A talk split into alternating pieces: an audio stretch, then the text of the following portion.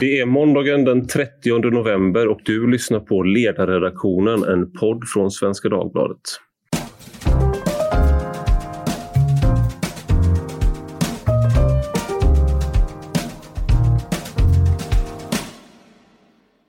Jag heter Ivar Arpi och för lite över en vecka sedan så skedde en bönedemonstration utanför franska ambassaden efter terrordådet i Frankrike där en lärare hade blivit halshuggen efter att ha visat Muhammed-karikatyrer i sin klass.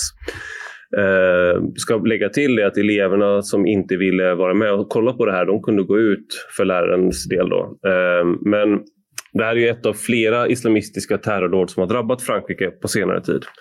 Och då så valde några svenskar eh, att demonstrera utanför eh, franska ambassaden i Stockholm. Och de delade även ut flygblad. Och på de flygbladen så stod det bland annat ett Hån mot religion bör förbjudas, såsom hos judarna där det är olagligt att hånas. Två, Att håna islam och dess profet är emot yttrandefriheten vi har i Sverige. Tre, Det ska finnas gränser och man ska hålla sig inom ramen för dessa gränser. 4. därför vädjar vi nu att det ska vara brottsligt att håna andra religioner i hela världen. Och många har reagerat på den här demonstrationen och sen har många reagerat på de som har reagerat och så har det fortsatt i olika reaktionsspiraler.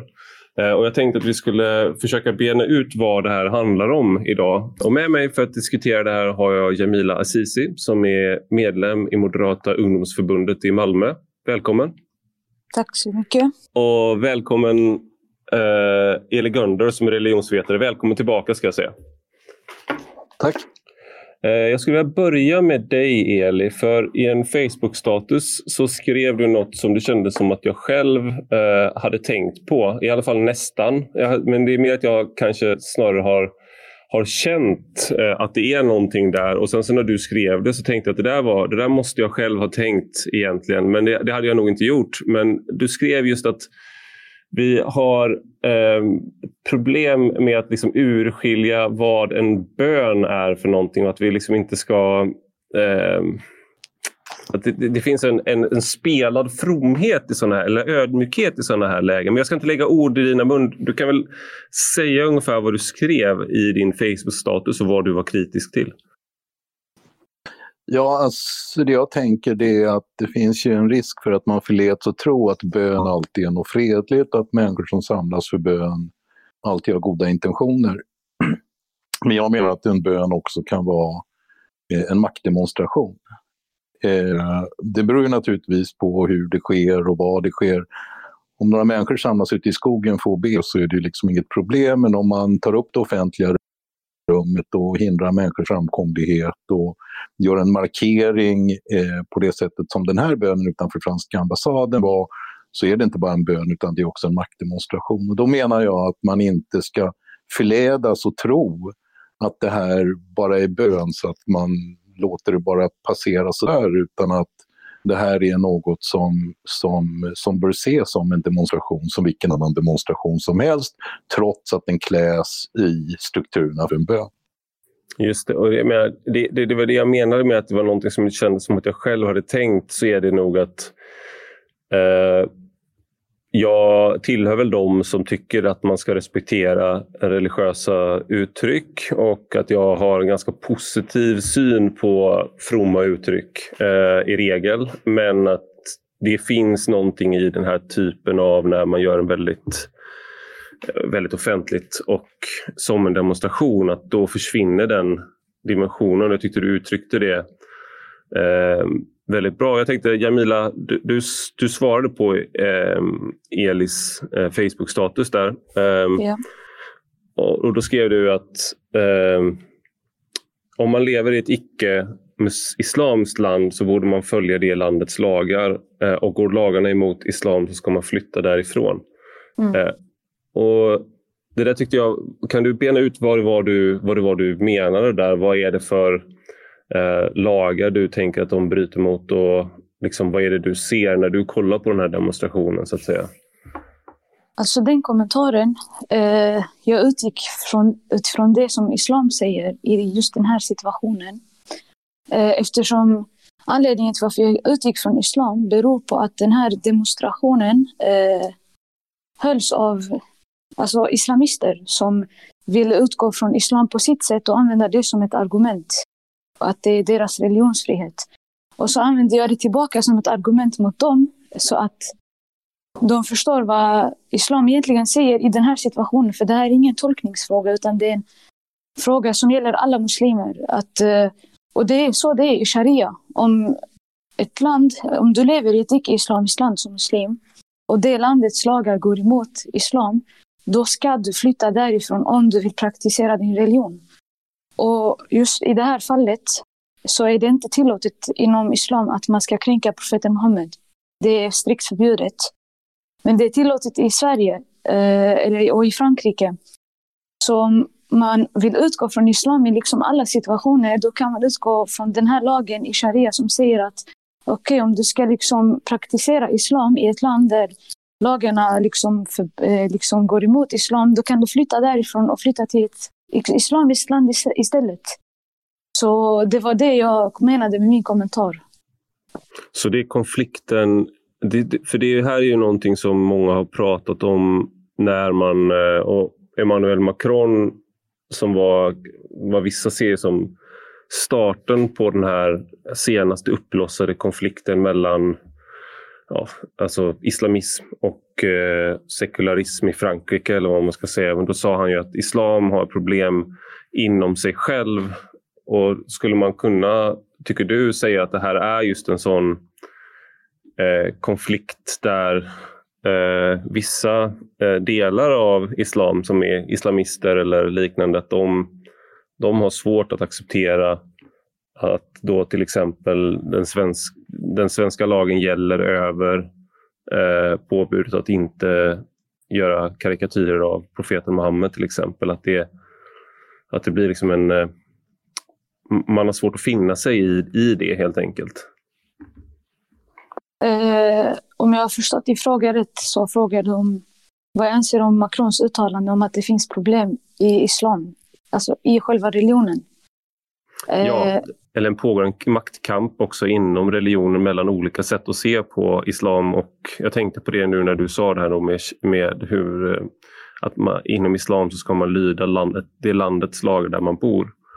Men också samtidigt då att man inte ska eh, göra eh, avbilda profeten Muhammed. Eh, mm. Och att det där är en konflikt här som finns liksom även bland troende muslimer tänker jag i, i väst och i Sverige och i Frankrike. Jag tänker så här att eh, det Macron har sagt, jag förstår hur han tänker, eh, men saken är att islam kommer alltid vara islam. Eh, det är inte islam som ska ändras, utan det är muslimerna som ska förstå och kunna förhålla sig till icke-islamiska länder och skapa en balans mellan hur det är att leva som muslim och eh, fransk, alltså, eller svensk. Eh, man ska liksom reformera sitt eget sätt att leva eh, till det modernare. Man kan inte, ja, man kan inte liksom leva på det sättet som profeten Muhammed levde för 1400 år sedan och sen använda det som ett argument att det är vår religionsfrihet. Eh, fine, gör det, men ta konsekvenserna också om du lever på det sättet. Och sen, eh, jag, jag, jag tänker att Macron borde liksom sätta pressen på muslimer istället att kunna leva, eller inte muslimer utan islamister, att de ska kunna leva på ett, både ett alltså muslimskt sätt och ett franskt sätt. Um, att kunna skapa en balans där. För som jag sa tidigare, islam kommer alltid vara islam. Det kommer inte ändras. Uh, utan det är muslimer som måste ta tag i sig själva och kunna liksom reformera sitt eget sätt att leva. Jag tänkte vi kunde gå över till, för att Eh, du är ju själv eh, troende muslim. Eh, men jag tänkte då, någonting som blir intressant i det här nu när vi pratar om det generellt, det är också hur det är i, eh, i Sverige att leva med de här, den här liksom, konflikten som finns mellan olika sätt att se på islam här. Eh, så hur är det att vara så att säga svensk och muslim? Jag personligen eh, som muslim, jag trivs jättebra att leva i Sverige. För jag är född och uppväxt här. Jag har liksom blivit uppväxt på både liksom muslim, ett muslimskt sätt, afghanskt sätt och svenskt sätt. Jag har aldrig haft ett problem eh, med liksom, eh, jag, jag känner mig inte att jag var liksom rädd eller nervös innan jag började bära slöja. Utan jag, jag tog liksom valet direkt och tänkte ja, men det, det finns ingen som kommer kunna liksom förbjuda att man att bära slöja. Eh, samma gäller om jag vill gå till någon moské och be där. Alltså, det är inget som hindrar mig från att eh, leva på det sätt som jag vill. Eh, jag tror också att de flesta muslimer eh, har den här åsikten att det inte är svårt att leva som muslim och svensk i Sverige. De som gör det svårt för sig själva, det är de som kräver och kräver och kräver mer. Eh, och liksom förstår inte hur det är och liksom, de förstår inte att man ska ändå kunna skapa en balans med att vara muslim och eh, svensk. Utan de tar sin egen bild av islam och liksom kritiserar Sverige för minsta lilla de gör. Och det är lite det här det problemet är. Jag tror inte de gör det medvetet heller. För att när man kritiserar Sverige, eh, till exempel det här med yttrandefrihet versus religionsfrihet. Om man som muslim kritiserar yttrandefriheten för att man har rätt att kritisera eller göra karikatyrer av profeten Muhammed, eh, då förstår man inte att det är, liksom, det är tillåtet, det är lagligt att göra det. För att man har tagit sin, sin religionsfrihet före yttrandefrihet. Eh, det är att man vill liksom förbjuda någonting som är tillåtet. Och det är där problemet eh, ligger i. Eh, om jag förklarat det rätt. Ja, absolut. Jag tänker också en sak som jag, som jag tyckte var mm, intressant efter det här, det var någonting som Erik Helmersson som är ledarskribent på Dagens Nyheter mm. skrev. Och det var med anledning av Hanif Bali som skrev då att det var eh, han kommenterade att de var fler än åtta på, i den här demonstra demonstrationen. Då. Mm. Eh, men då visade det sig, eller varför ingriper inte polisen menade han då att man borde upplösa av den anledningen av liksom coronaskäl. Då. Men då påpekade polisen att, eh, ehm, att lagen hade inte börjat gälla än eh, om jag inte minns fel och den hade, demonstrationen hade tillstånd. Eh, så att det var i sin ordning så att säga. Ehm, Sen så fick kritisera Erik Helmersson då Hanif Bali för att liksom och de som skrev, det var många som skrev eh, ganska aggressiva saker. Eh, men varför, han, han skriver så här, varför ilskan? För att det handlar om muslimer. Jag har svårt att hitta en annan förklaring. Visst, åsikterna var uppåt väggarna, men i Stockholm demonstreras varje helg i alla tänkbara bisarra ämnen. Ingen bryr sig. Eh, och det är någonting jag tänker, jag skulle vilja höra din åsikt om det här Eli. Men någonting jag tänker är att det ändå eh, skedde eh, i samband med att en lärare då har blivit halshuggen och den här protesten, demonstrationen sker ju då inte till stöd så att säga för honom och för att det var ett hemskt dåd utan till stöd för dem, alltså de har ungefär samma uppfattning om den personen som begick mordet. De är inte skyldiga till terrordådet vill jag absolut inte säga men de tycker att det borde vara förbjudet att göra det som eh, den här läraren då gjorde och som man får göra i Sverige också. Jag tänkte, hur, hur tänker du kring det här med... Är det för att det handlar om muslimer som folk reagerar på den här böndemonstrationen? Alltså jag, tror det finns två, eh, jag, jag, jag, tror det finns två delar i det här. Det ena är att det generellt tror jag Erik Andersson har en poäng. Och det är att muslimer, det är svårt för muslimer att göra rätt. Alltså, eh, det är svårt, eh, Sverige har svårt med avvikelser och eh, inte minst när det kommer till diskussioner om huvudduk och så vidare eh, så blir reaktionerna ofta väldigt starka och man har svårt att se komplexiteten i det här. Det är en del av det hela. Det andra är ju att det är fullt rimligt att bli upprörd över en demonstration. Eh, det är ju liksom inget nytt. Eh, vi har haft nazister som har demonstrerat mitt i Sverige och fått demonstrationstillstånd. Jag har också kontrollerat lite extra på det här med demonstrationslagar, om man får och inte får demonstrera. Och tydligen är den svenska lagen sån att man får samlas och demonstrera lite hur man vill. Så länge som man inte skapar konflikt, förödelse, problem, eller något annat eller hindra liksom, trafiken eller så. Demonstrationstillstånd söks vanligtvis för de som vill att polisen ska skydda demonstrationen. Det är då man söker tillstånd. Och då har vi ju en massa konstiga idéer som, som, som människor får för sig och så vill man att polisen ska skydda demonstrationen därför det är kopplat till yttrandefriheten. Så att eh, Eh, ett, ja, eh, det är svårt som muslim, troende, praktiserande muslim, avvikelse och göra rätt. Eh, två, de, demonstrationer eh, behöver tillstånd just om de, eh, om de lyfter fram en åsikt som är förkastlig. Och den här listan på idéer som de här demonstranterna hade, eh, förutom att den är uttryckt på en konstig svenska som gör att det är svårt att förstå vad de egentligen syftar på när de säger att, man, att judar eh, tycker att det är förbjudet att håna eller vad de hittar på där. Så är ju deras uppfattningar något som behöver ett polisskydd just därför att det är så galet. Och det gäller ju även nazister och andra idéer. Så att det är en balansgång där. Min eh, tanke är ju bara den att, att, att liksom hitta den där balansgången och förstå, ja, vi har svårt med avvikelser. Två, bön är inte nödvändigtvis något som bara är timit och snällt och fint. Eh, eh, och jag tror att, att, att, eh, att för människor är det svårt att hitta just den här balansgången och förstå att människor kan vara, som Jamila uttrycker det här, alltså både afghan och svensk och trivas i Sverige och gå med huvudduk och tycka att man ska följa svensk lag och, och ha vissa uppfattningar om vad islam bör och inte bör vara men ändå vilja vara en del av Sverige och det politiska livet i Sverige inte minst, därför att man tycker om Sverige och vill Sverige väl. Eh, jag tror att nyanserna är väldigt svårt för många att acceptera, vilket gör att Erik Helmersson i det fallet har rätt. I andra fallet då att, att, eh, att en demonstration innehar... För, den här nazistdemonstrationen som jag hade på Norr i Stockholm exempelvis, det var ett himla liv om den. Så att det här att, att det bara skulle vara ett himla liv just om en demonstration som utförs av muslimer, det stämmer ju inte i sak. Det är fel.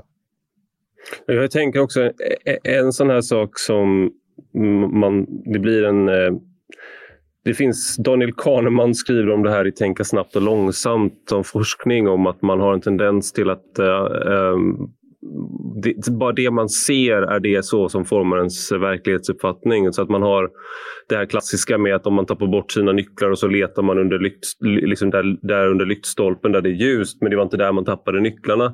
Och någonting liknande är det här, en sån här demonstration, för att det här är ju en uttryckligt, har att göra med islam, det är muslimer som, utför, som gör demonstrationen.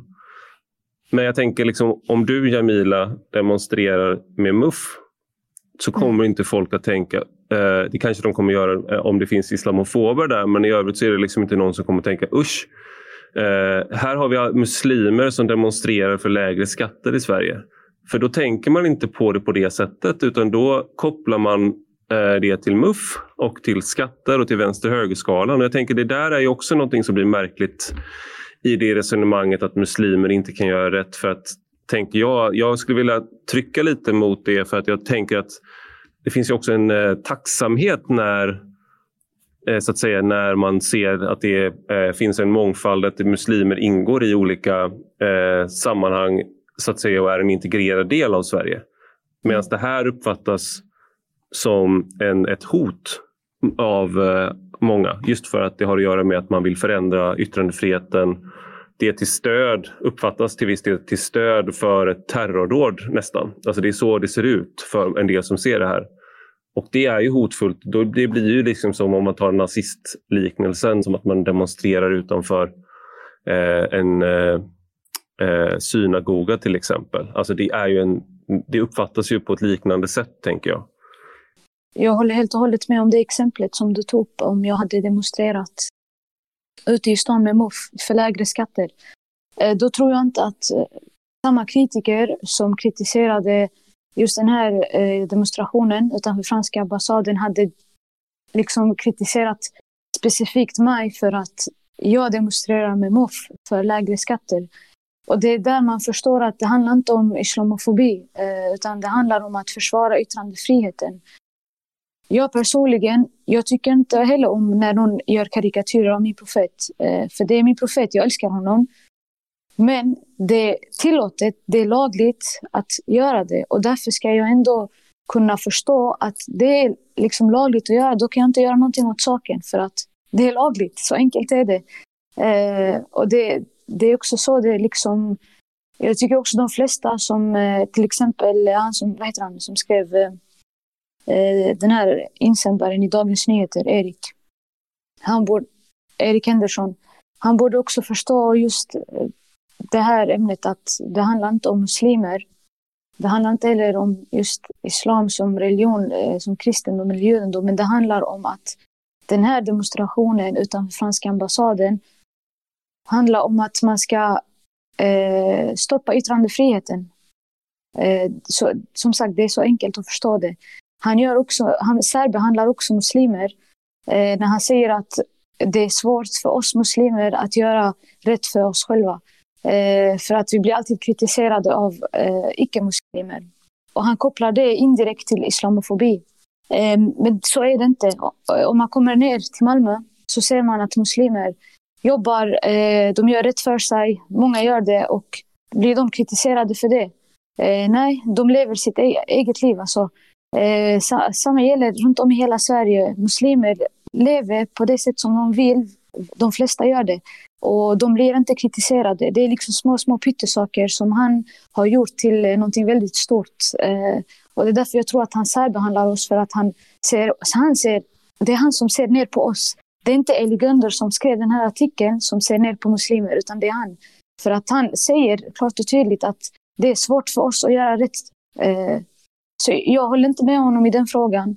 Det är ja, inte svårt. Nu, nu har, jag, jag frågade Erik Helmersson om han kunde vara med idag eftersom mm. jag skulle kritisera honom. Men han kunde inte idag. Så Erik, om du hör det här så du hade chansen att svara här men, eh, men vi försöker att vara rättvisa. Jag tänkte en sak här när du säger att eh, eh, som jag tänker liksom när man, har, när man tar illa upp då för eh, att man gör karikatyr eller hånar ehm, eh, profeten Muhammed. Då.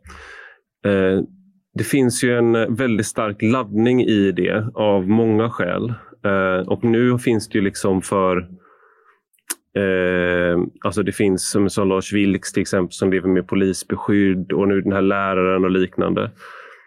Det, det, jag, det jag tänker är hur eh, finns det någon jämförbar eh, Eh, jämförbar känsla så att säga hos dig när något annat kränks? Alltså om jag tänker för jag, det finns ju saker som är heliga för mig som är eller saker som gränser som människor inte får gå över med mig. Men det är, kanske, det är lite svårare för mig kanske att identifiera vissa av de sakerna än att det skulle handla, alltså då kan det handla om familj och liknande. Men jag tänker, finns det något liknande att, kritis- alltså att göra en karikatyr av profeten Muhammed i ditt liv som du kan jämföra med den känslan? Eller är det en unik sak att, att eh, när någon hånar profeten? Alltså är det en unik känsla för dig eller har det en unik position för dig som troende muslim?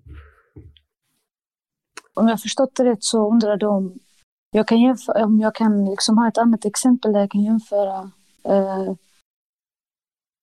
jag tänker att det allra viktigaste för mig är liksom eh, som svensk och muslim.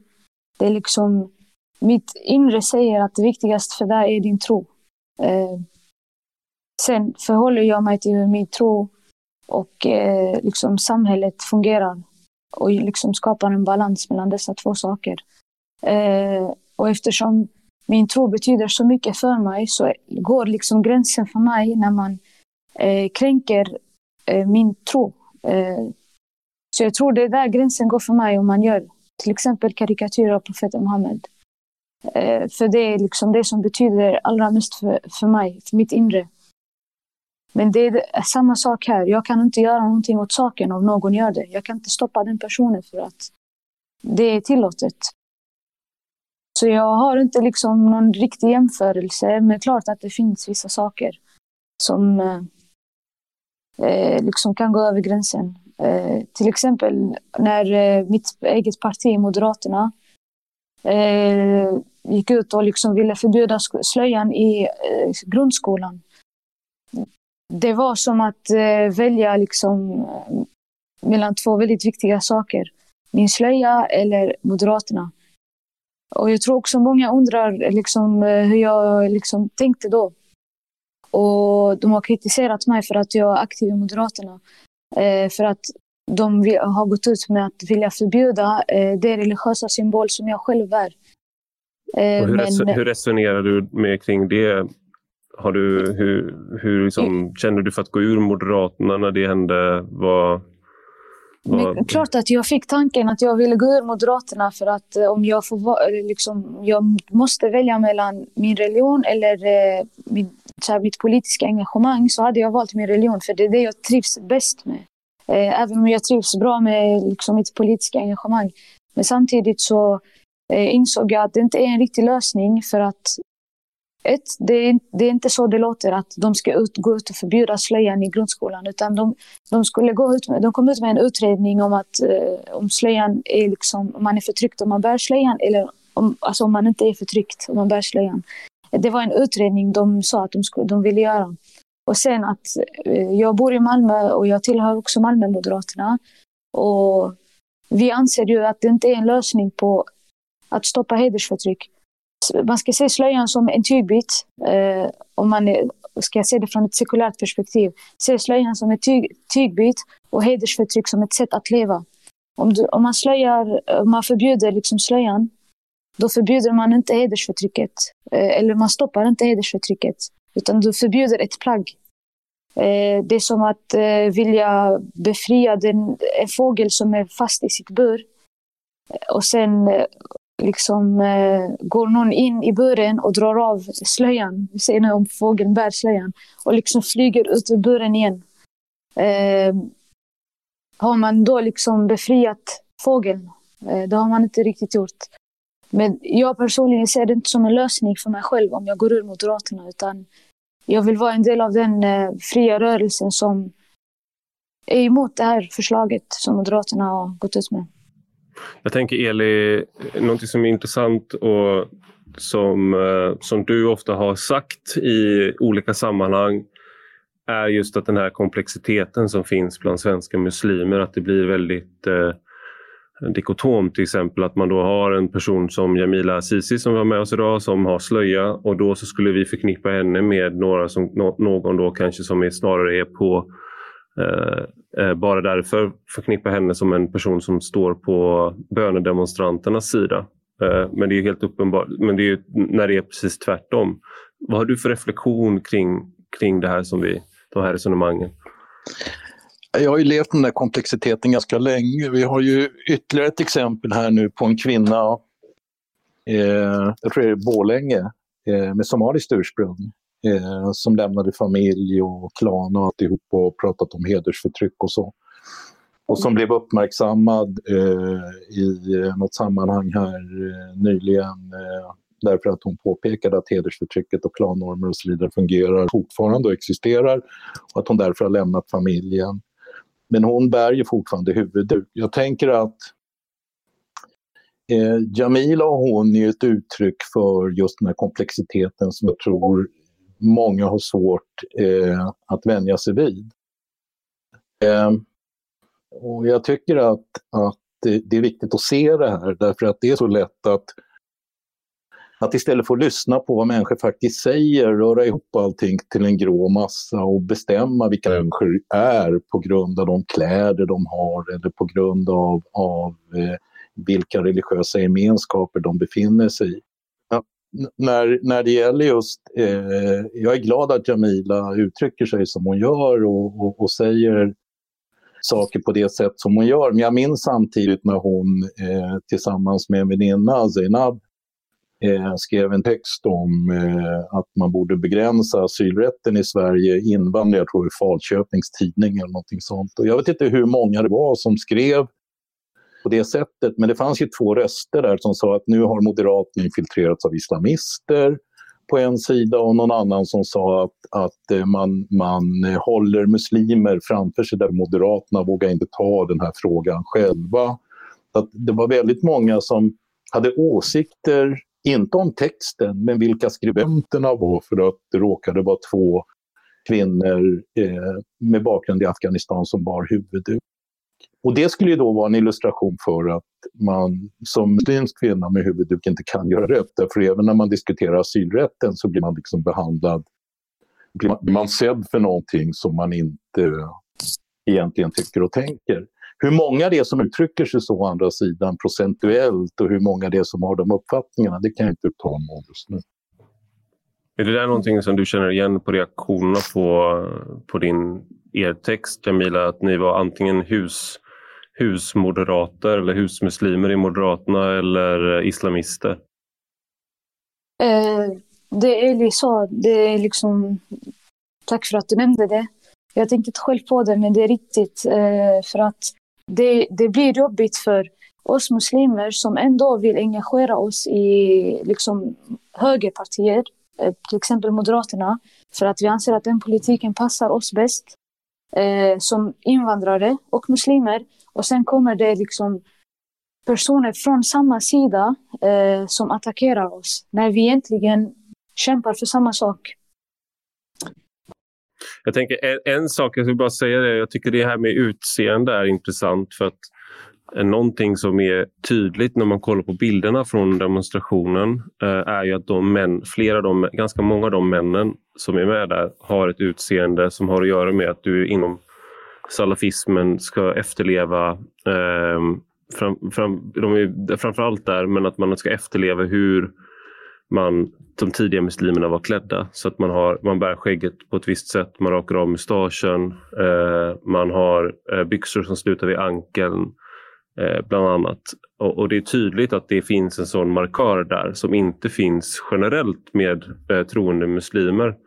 Inte sagt att alla som ser ut så är salafister men hos salafister så ser de flesta ut, har de, så följer de flesta den typen av regler. Så att det finns ju någonting här i hur man ser ut som där man kan ändå få en indikation på vad någon tycker. Det gäller ju inte bara muslimer skulle jag, också vilja tillägga utan det gäller ju inom eh, alla religioner och även inom olika subkulturer. Och där finns det väl en, eh, en sån sak när man ser någon med eh, burka till exempel i Sverige eller niqab. Där man kan ha en liknande eh, reaktion. Att man, man kan i alla fall tänka sig att med varför, antingen att den personen befinner sig inom en kultur där det är vanligt. Men också att man kan tänka sig att eftersom det inte är någonting som är vanligt bland muslimer i Sverige. Att det en, här finns en, om inte den här personen själv har vissa mer eh, liksom en striktare tolkning eller en annan tolkning av islam än den gängse som är salafistisk eller liknande så är, befinner sig i alla fall den här personen i en sån kontext. Vad tänker ni om det? Ja, alltså du är inne på, det, det drar iväg här någonstans. Eh, så är det ju, niqab och burka är ju speciella eh, kläder eh, na, naturligtvis som, eh, som säger en hel del om var den människan befinner sig någonstans. Men jag tänker mer så här att vi har vant oss i Sverige vid att eh, genom uttryck för islam bestämma hur islam är. Alltså var och en väljer sin muslim och så säger man så här, så, såna är de. Eh, Eh, och det här sådana är de är ju mycket ett resultat av att vi har haft något slags representationsfenomen. Vi har haft organisationer och, och, och, och olika typer av, av gemenskaper som har gjort anspråk på att vara representativa för vad islam är och representera mer än sig själva. Och det har gjort att, att man liksom positionerar sig i den här frågan om islam genom att skaffa sig eller peka ut en viss företeelse eller en viss muslim och så har man en muslim som har hoppat av islam och så säger man han gillar inte islam, han har hoppat av islam och han måste ju veta att han är muslim. De som använder det argumentet skulle aldrig samtidigt säga här har vi en annan muslim som älskar islam och därför säger det något om islam. Utan man hittar de här företeelserna och så gör man dem till något allmängiltigt. Och så har det blivit också med just huvudduken. Inte minst på grund av de här organisationerna och positioneringarna kring det. Och det enda jag försöker säga i det här är att vi har idag en situation där det egentligen borde finnas en helt annan skiljelinje. Vi har idag muslimer i Sverige eh, som gärna vill jobba i Sverige, som accepterar svensk lag, som vill engagera sig i det svenska samhället, som en del av Sverige, eh, som vill göra Sverige till ett bra land, som vill att Sverige ska leva enligt svenska lagar och som väldigt lätt blir utdömda just för att de råkar vara troende. Att det släpper släpper man bara, eller det kan man bara komma ifrån om man exempelvis hanterar den här demonstrationen som vilken annan demonstration som helst och man faktiskt lyssnar på vad människor säger när de uttrycker sig i politiska frågor utan att bestämma vad de kanske tycker istället för att de råkar bära en huvudduk. Vi säger stort tack till Jamila Sisi och Eli Gunder för att ni kunde vara med oss idag. Tack själv. Tack, och, tack själv. Och stort tack till eh, er som har lyssnat. Eh, och har ni några frågor eller synpunkter får ni gärna mejla oss på ledarsidan snabel svd.se. Tack och hej!